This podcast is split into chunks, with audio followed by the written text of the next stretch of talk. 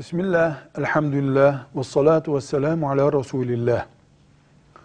Müslüman kadının tesettürlü Müslüman olması için çarşaf dediğimiz kıyafeti giymesi şart mıdır? Cevap, çarşaf Osmanlı ecdadımızdan bize intikal etmiş bir kadın tesettürü kıyafetidir.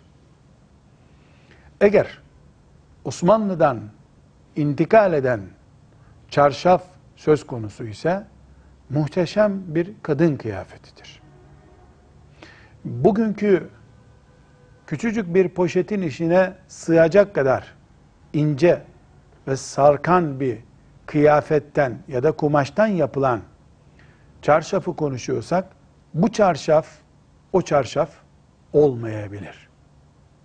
Yani çarşafın ismi var, kendisi modernize edilmiş ve rüzgarda, hafif harekette bedenin ayrıntılarını ortaya çıkarıyorsa, bilhassa iç kıyafetler fazla önemsenmediği için sadece çarşaf bir tül gibi kadının üzerine alınıp sokağa çıkıldığında rüzgar ve kol hareketleri, yürüyüş, çarşafın tesettürü yerine getirmediğini söylettiriyorsa bize, çarşaf en mükemmel kıyafettir demeyiz. Değil şart olması yerini bulmuyor da diyebiliriz.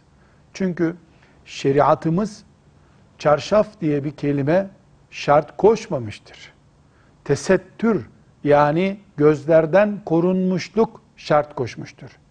Bunu en mükemmel şekilde bir çarşaf yerine getiriyorsa Allah'ın emri odur. Başka bir kıyafet yerine getiriyorsa Allah'ın emri odur.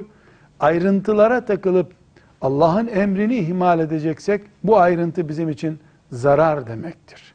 Velhamdülillahi Rabbil Alemin.